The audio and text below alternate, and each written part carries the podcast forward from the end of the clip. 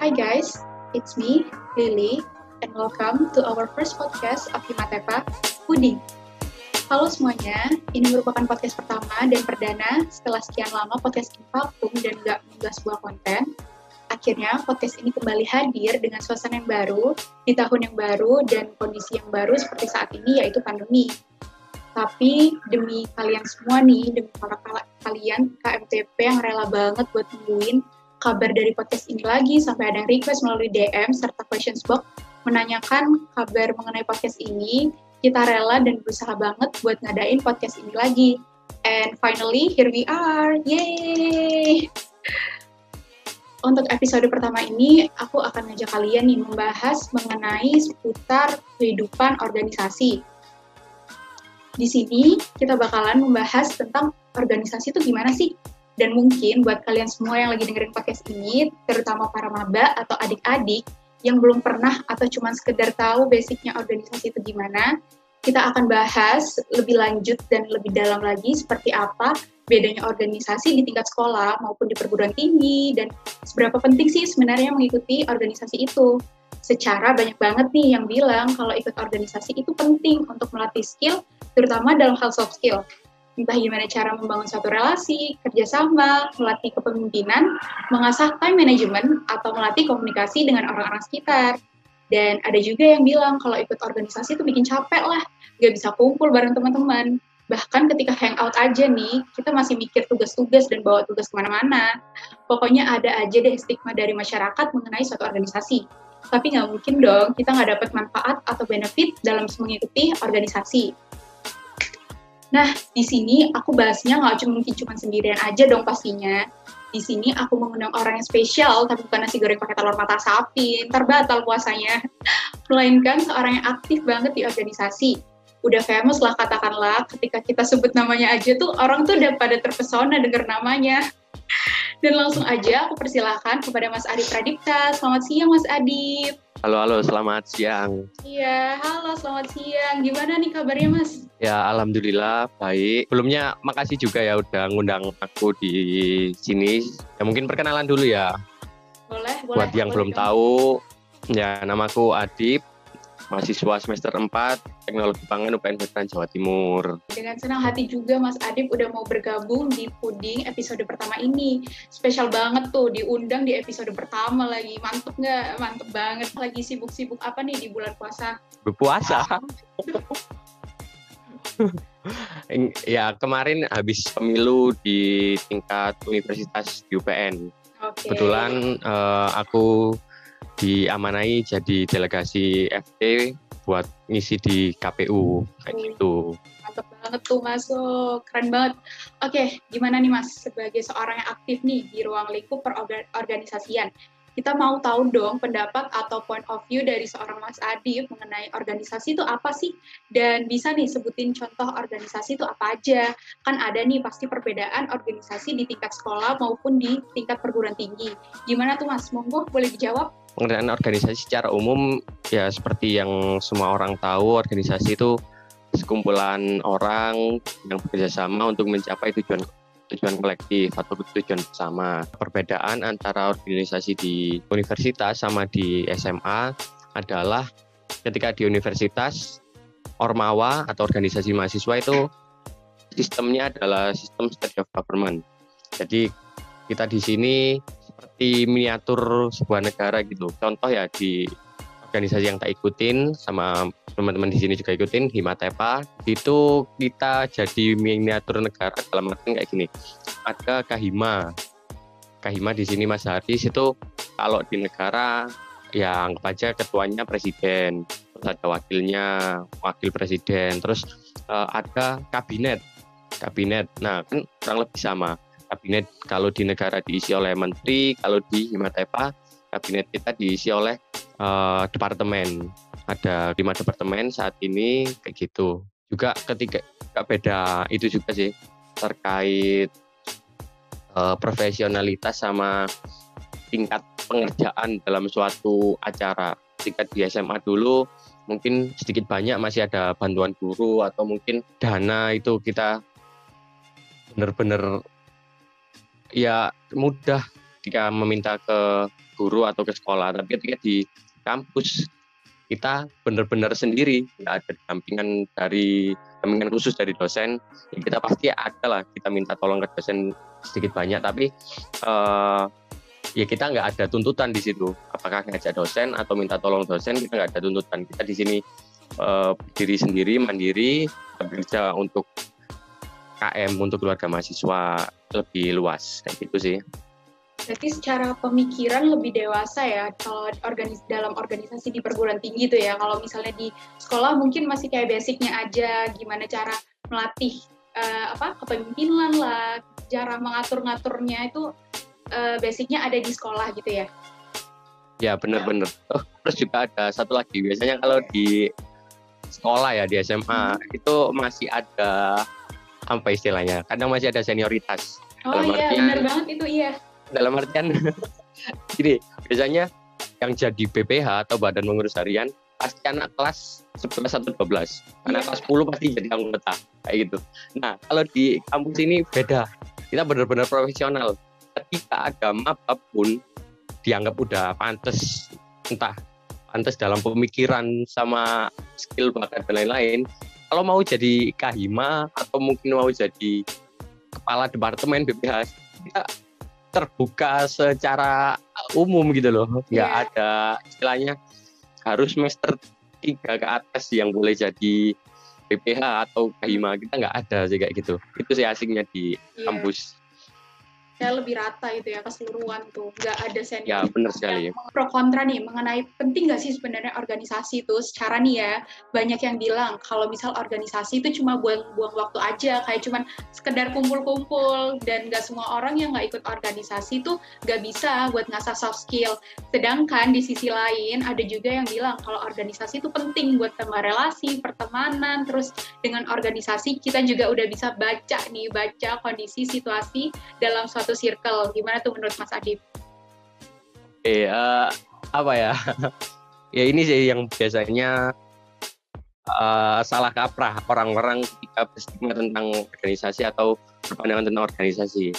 Kalau aku pribadi ya semuanya tak kembaliin ke individu yang ikut serta dalam sebuah organisasi.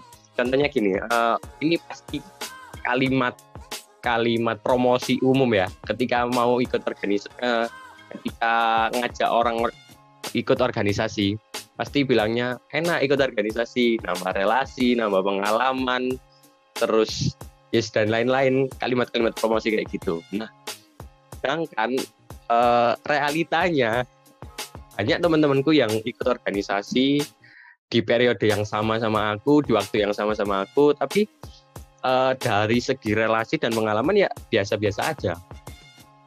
Nah kalau menurutku pribadi semuanya dikembalikan ke individunya masing-masing. Dalam artian eh, organisasi itu sebuah itu wadahnya.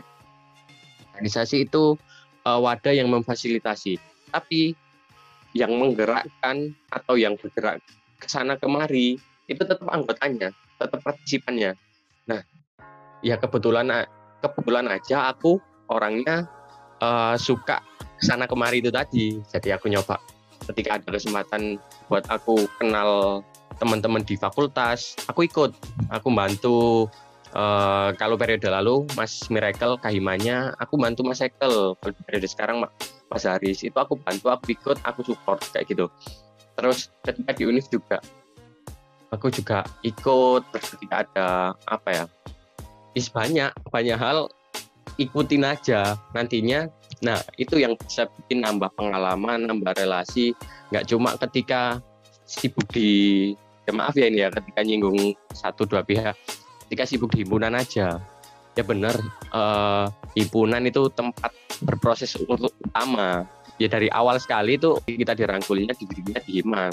Ada saatnya ambil kesempatan ke fakultas, ke universitas kayak gitu. Ya supaya apa? Supaya kalimat promosi ini tadi benar-benar kalian dapat gitu loh. Orang-orang bilangnya ikut organisasi dapat relasi. Tapi ketika kalian di himpunan aja ketika kalian uh, apa namanya di himpunannya pun cuma sebagai partisipan yang pasif ya kapan dapat relasi kan kayak iya, gitu. bener. kalau kalian nggak nyoba apa namanya kenalan sama orang luar atau mungkin sama uh, pihak dosen lah paling gampang pihak dosen kalian menjadikan mereka pemateri.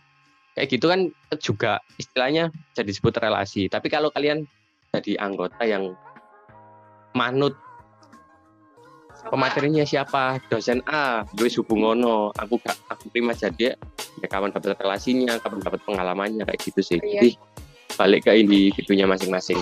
Iya. Terus ini nih buat pertanyaan selanjutnya. Pendapat Mas Adib dalam ikut organisasi itu apa kita harus prepare dan punya skill nih buat masuk dalam suatu organisasi. Itu tuh banyak yang ditanyain tuh kayak aku nggak mau ikut organisasi nih karena aku belum punya skill apa-apa aku belum prepare nih belum ini. Itu tuh gimana tuh menurut Mas Adib tuh? Gimana ya? Sedikit banyak bener sih.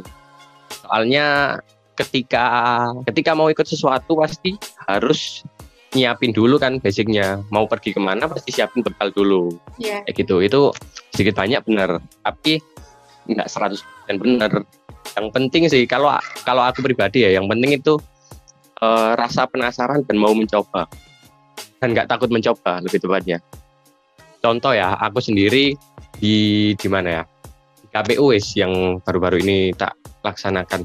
Di KPU kemarin aku juga ada bakat nggak ada pengalaman sebelumnya tentang pemilihan-pemilihan kayak gitu. Tapi ya kebetulan aja aku dimintain tolong diamanai di situ. Terus ya itu tadi aku aku untuk mencoba sama pengen pengen membuktikan promosi-promosi dari uh, eh, senior senior yang bilang organisasi nambah ini itu itu tadi. Jadinya ya wis tak lakuin aja belajar sambil berjalan. Iya, benar. gitu. Belajar sambil berjalan. Baik buruknya lanjutin aja deh. Kan soalnya kita kan ke depannya juga nggak tahu kan. Namanya juga mencoba. Pasti kan ada baik ada buruknya. Pokoknya semuanya telan aja deh. Itu kayak uh, kalau buat aku tuh kayak sebagai apa ya? Uh, bermanfaat lah berguna banget buat nanti ke depannya. Kayak udah tahu gimana kondisi ini ini. Karena kan udah pernah ngerasain tuh pahit buruknya kan juga gitu loh. Organisasi itu nggak sepenuhnya harus uh, atau tempat orang-orang yang udah pro. Ya. Kayak gitu. Contohnya, contoh uh, aku mau ngambil di air di kalau nggak salah itu aku agak lupa diksinya ya. kayak gimana. Intinya uh, Himatepa itu sebuah wahana, sebutnya itu wahana. Nah, sebuah wahana ya itu kan nggak cuma wahana itu iya wahana. Media, gitu. media mewadahi. Nah, uh, bukan sebuah alat gitu loh. Iya benar. Organisasi itu bukan cuma sebuah alat tapi wahana. Kita juga senang-senang di situ. Kita juga harus senang dan mau mencoba banyak hal gitu nggak cuma sebuah istilahnya kalau disebutnya cuma sebuah alat kan otomatis berarti ketika nggak ada alat itu atau mungkin alat itu nggak berjalan ya, ya udah nggak bisa ya udah tapi disebutnya itu wahana gitu terus juga kayak udah udah nggak masa kampanye kan ya ini? Ya kemarin kalau uh, aku sedikit buka itu sama kalau nggak salah visinya paslon 01 Mas Miracle itu ya ya udah nggak masa kampanye kan ya jadi nggak apa-apa sebutkan ya. Apa-apa boleh. Ya itu terkait yang universitas itu sebuah laboratorium. Nah aku suka pengibaratan pengibaratan kayak gitu. Jadi ketika organisasi itu disebut sebuah laboratorium. Berarti kan di situ tempat untuk mencoba tempat yeah. untuk berkreasi kayak yeah. gitu. Cuma tempat untuk istilahnya bertugas saja atau mungkin uh, kerja aja. Tapi kita di situ dibebaskan untuk mengkreasikan apa apa yang ada di pikiran kita. Yeah, kita pengen mungkin bikin acara atau mungkin bikin penelitian tentang sesuatu ya udah jalanin aja. Gagal berhasil kan urusan belakang namanya juga uh, dari awal pendidikan kan kalau laboratorium kan tempatnya untuk berhasil. Tapi ya emang nggak bisa 100% coba-coba. Aja sih kalau di organisasi. Harus tetap ada sedikit banyak bekal yang udah harus kita miliki sebelum daftar. Tapi tetap jangan pernah takut mencoba sih. Oke. Okay. nah ini BTW kan Mas Adip ini udah ikut organisasi dari SMA atau SMP ya? Atau dari bayi? Enggak, bercanda maaf. Ya, dari bayi. dari SMA apa SMP? Dari SMA. Oh, dari SMA. Terus pernah jadi ketua OSIS nggak sih kalau nggak salah? Iya. Iya, alhamdulillah pernah Eh, aduh, OSIS. aduh, famous tuh pasti, aduh. Karena udah pengalaman banget kan ya udah sampai jadi ketua OSIS pasti banyak juga kan pertimbangan ketika mengikuti organisasi kan ya. Boleh nih diceritain apa aja tuh pertimbangan yang harus bener-bener mateng dipikirin ketika berencana ikut organisasi atau mungkin ngasih saran dan tips nih ketika ingin join di sebuah organisasi. Istilahnya kayak organisasi 101 kali ini ya. Kayak apa aja sih yang perlu dipertimbangin gitu sama tips saran dari Mas Adib nih. Oke, eh, apa ya? Yang pertama dari pengertian organisasi tadi. Organisasi kumpulan orang kerja bersama mencapai tujuan bersama. Yang pertama pasti harus tahu tujuan bersamanya. Eh, ya, harus tahu tujuan bersamanya. Tujuan organisasi ini apa? Ketika apa ya? Kamu mau daftar, anggap aja di Matepa. Tujuan dari Matepa, bla bla bla. Ketika kamu nggak tahu itu, ataupun kamu nggak sepakat dengan itu, ya yang pertama pasti jangan join. Iya. Ya kan itu itu Iya. logika dasar sih, itu logika dasar. Kalau kamu nggak sepakat, kamu nggak nggak tahu bahkan ya jangan coba-coba ya. join. eh, karena ya balik lagi, memang organisasi tempat belajar, tapi bukan apa ya belajar belajar bukan. belajarnya bukan yang apa ya main-main aja gitu Iya. loh kan ya ya kayak gitu banget gitu loh, kayak pasti Iya. ada udah pernah lah pengalaman dikit-dikit gitu. Ya kayak gitu. Pertama pasti terkait tujuan. Terus kedua apa ya? eh, orang-orang yang ada di dalam organisasi ini atau partisipan yang lain. Pastikan lingkungan di partisipan ini bukan apa ya? Ya ini secara umum aja sih. Jangan orang-orang yang isinya orang-orang toksik kayak gitu. Itu pasti ya semua udah paham kan ya kenapa kok Iya. ketika toxic enggak jangan jangan dimasukin aku kok negatif gitu ya Udah lanjut. apa ya apalagi ya eh ya terus ya balik yang itu tadi jangan takut buat mencoba ketika masuk organisasi yang per- ya pertama pasti seleksi dulu organisasinya sesuai atau enggak terus kedua lingkungannya sesuai atau enggak ketiga Iya. eh, kalau udah sesuai semuanya sesuaikan diri sendiri selanjutnya yaitu eh, jangan takut buat belajar jangan takut untuk mencoba terus ambil setiap kesempatan terus juga tiap kalimat promosi dari cutting atau dari senior terkait organisasi bisa nambah apa pun itu cari. Nah, itu sih itu yang biasanya orang-orang eh, kurang apa namanya kurang akhirnya kurang hasil dari organis- organisasinya. Itu udah masuk terus stuck aja. Aku jadi staff atau mungkin kadep dari departemen ini ya udah aku kerja di situ terus. Stuck akhirnya nggak ada perkembangan secara khusus gitu. Tapi coba cari yang diomongkan cutting ini tadi nambah Iya. pengalaman. Pengalaman yang kayak gimana sih yang bisa tak dapat di organisasi? Cari. Kalau nggak bisa nyari sendiri kejar orang yang apa ya nggak pernah. Cari cutting yang dulu misal eh, Mbak Mbak Lili ini apakah staff di apa? Bumet ya? Iya. coba cari orang yang pernah di Humet atau kalau periode-periode sebelumnya namanya Kominfo atau apa pun itu kejar orangnya tanyain dari Kominfo ini bisa dapat apa sih? Bisa dapat pengalaman apa? Relasinya biasa bisa siapa aja? Kayak gitu. Lebih menelusuri lagi ya sebelum nah benar Iya. sekali. Terus ya ya kayak gitu. Bercari udah tahu orangnya udah tahu ceritanya ya coba dilakuin gitu gitu gitu aja sih secara umum aja kalau Oke. dari aku Terus ini, ah, ini Mas, aku tuh punya pengalaman kan, ketika aku berorganisasi di SMA, itu aku eh, aku mikir kan kalau organisasi itu kan perlu adaptasi nih. Terus ah, nyoba kan, akhirnya masuk ke organisasi di SMA itu. Ketika aku udah masuk, ternyata aku nggak cocok dengan eh, ketika aku adaptasi itu nggak cocok dengan lingkungan organisasi itu. Eh, gimana cara Mas Adib ngatasi ketidakcocokan dalam eh, adaptasi itu di suatu organisasi? atau memilih lebih memilih untuk keluar atau mempertahankan karena itu karena udah masuk kan udah dalam juga mau nggak mau harus tanggung jawab atas itu itu tuh gimana? Hmm, pertama itu sih uh, rasa tanggung jawab itu tadi keren sih keren. Dalam artian ya pasti harus tanggung jawab. Itu itu apa ya? Kamu ketika masuk ada seleksinya dipilih, kamu diberi tanggung jawab.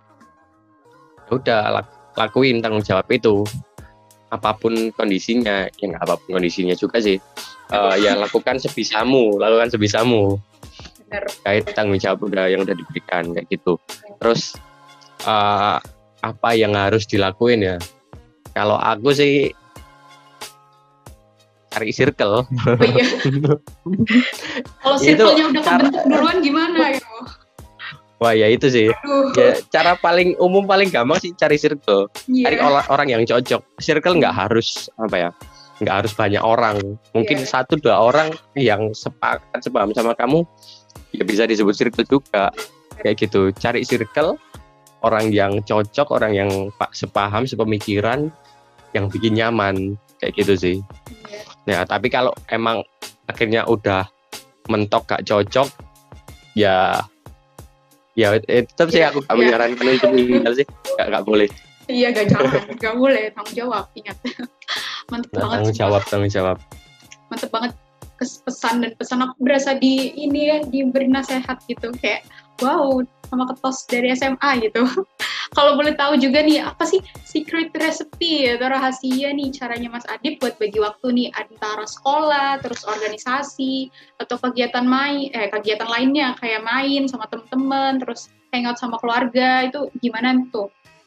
Buat newbie juga kan uh, susah buat ngatur kayak gitu apalagi rasa takut juga nih sebelum masuk dalam organisasi. Gimana tuh Mas? Waduh. Kayaknya salah salah orang buat oh, salah pertanyaan salah. dan salah orang ini. salah ya udah jawab aja dah. ya ya ya apa ya? Aku pribadi sih dalam bagi waktu dengannya ambil juga sih. Iya. Kesulitan iya, sih. Iya. Gak apa-apa point ya, of view-nya aja ya. Iya iya. Kalau apa ya? Cara bagi waktu ya mungkin secara umum pasti uh, lakukan sesuai porsinya dalam artian ketika kamu lagi jadi mahasiswa yang berkuliah ya wis uh, fokus di kuliahmu itu tadi misalkan tugas terus ikut kelas, kuis dan lain-lain. Tapi ketika kamu jadi organisasi, apa di organisasi, uh, apa namanya ya sama harus fokus di organisasinya itu dulu. Mungkin ketika kamu sedang rapat ya udah pikirin rapat itu dulu. Ketika kamu dalam suatu acara pikirin acara itu dulu. Nanti ketika break baru buka uh, apa namanya ya per, dunia perkuliahan itu tadi. Ada tugas apa kayak gitu. Ya ya gitu. Ya, kayak gitu udah. Negesi sekali ya. Ya mungkin itu sih kalau kalau aku pribadi ya cara paling efektif uh, ya ya balik ke circle balik ke circle oh gitu ya? soalnya ya? gini iya kalau bisa circle itu jangan cuma uh, anak organisasi organisasi semua tapi circle itu isinya teman-teman yang beragam yeah. ya ada yang uh, fokus organisasi ada yang pintar di akademik Paket ada yang ya? Ya paket lengkap jadi ya. ketika apa ya ngurus acara organisasi gitu terus ya wis tinggal tanyain di grup loh info tugas tugas siapa kayak gitu kan manfaatin nah, apa bukan manfaatin gimana cuman kan kerja sama lah ya maksudnya kan iya. ya TikTok lah ya. oke okay. Ya. banyak banget juga yang penasaran nih uh, ikut organisasi tuh suka dukanya apa Terus kan biasanya tuh ada yang ikut organisasi tapi kerjanya sambat mulu tuh kan. Udah kayak curhat Mama Dede sambat mulu ceritanya tuh. Suka dukanya apa sih dalam mengikuti organisasi itu Mas? Sama nyelesain permasalahan dalam organisasi nih antara individu dengan individu atau apa? apa? Sukanya ya. Ya mungkin uh, kalau aku pribadi ya, aku malah suka suka istilahnya ngendas. Atau teman-teman yang itu tadi sambat itu tadi ya. Iya, malah malah apa ya? Ya itu loh asiknya organisasi itu di situ. Iya, asiknya organisasi tuh ya ngendas pusing mikirin proker mikirin acara mikirin ya mikirin macem-macem dah ya. urusan iya. Hmm, ya itu asiknya di situ. Asiknya di situ ya. asiknya di situ. Ya tuh kalau adanya di situ gitu. mm, kalau ikut organisasi tapi gak tapi Nggak ada nggak ada pikiran pusing mikirin organisasi ya ya lapo loh Itu kayak bukan organisasi iya. itu kayak apa ya kosong Iya. banget itu. Itu kayak udah ciri khas gak sih? nah Iya. Nah, ya sama kayak kuliah, kuliah pusing tugas, eh apa istilahnya melean ngerjain tugas itu kan, ya itu vibesnya kuliah. Kalau nggak nggak mau kayak gitu ya nggak usah kuliah. Iya. Kalau gitu aja sedikit aja sambat ya. Kalau kalau banyak sambat nggak masalah. Kalau cuma dikit aja udah. Sambat ya ya ya pokoknya intinya kalau aku pribadi gitu. Aku suka malah suka bagian ngedasnya suka bagian pusingnya ya ya tak rasa organisasi ya vibes-nya di situ. Nggak cuma masuk diem-diem seneng-seneng ketawa-ketawa. Ya ya ya cangkruk aja bo. Kalau aku tuh sukanya gitu. apa ya? Ngejak temen ngendas tau gak sih? Kayak misal tuh temen nih nggak ngapa-ngapain, aku sambat gitu. Gak mau aku sambat sendiri tuh, aku perlu kamu ikut sambat, kamu harus merasakan gitu rasanya tuh. Gitu. Terus iya ini, sih asik sih gitu itu iya kan? bikin temen pusing Iya bener kan? Ini mas, ada nggak sih kesan pesan buat pendengar nih, buat yang dengerin podcast ini, terutama para adik-adik maba-maba yang baru yang bentar lagi bakal join ke kehidupan nanti kalau ikut organisasi, pesannya apa buat adik-adik gitu? Oke, apa ya? Yang pertama eh, organisasi itu sesuatu yang asik, sesuatu yang bagiku spesial juga. Jadi apa ya? Jangan takut, jangan jangan nggak ikut atau nggak nyoba pengalaman di organisasi gitu. Terus eh, ketika nantinya mau berorganisasi juga berorganisasi dengan bijak. Dalam artian di kampus ini kan apa ya? Kadang banyak stigma-stigma negatif tentang organisasi organisasi-organisasi di kampus. Nah, eh, ketika kalian tahu nantinya, ya jaga aja. Dalam artian organisasi kalian nantinya dicap jelek, tapi ketika kalian nggak ngelakuin atau kalian bisa membuktikan sebaliknya, ya pede aja, tetap aja jalan aja, join aja, ikut aja kayak gitu. Terus apalagi ya? Ya mungkin yang mau tak tekankan sih jangan tak pertama jangan takut mencoba. Terus yang kedua cari yang dipromosikan oleh cutting kalian. Iya, Itu sih. udah. Oh iya, Nah, Mbak Lili sendiri gimana? Udah dapat apa dari organisasi?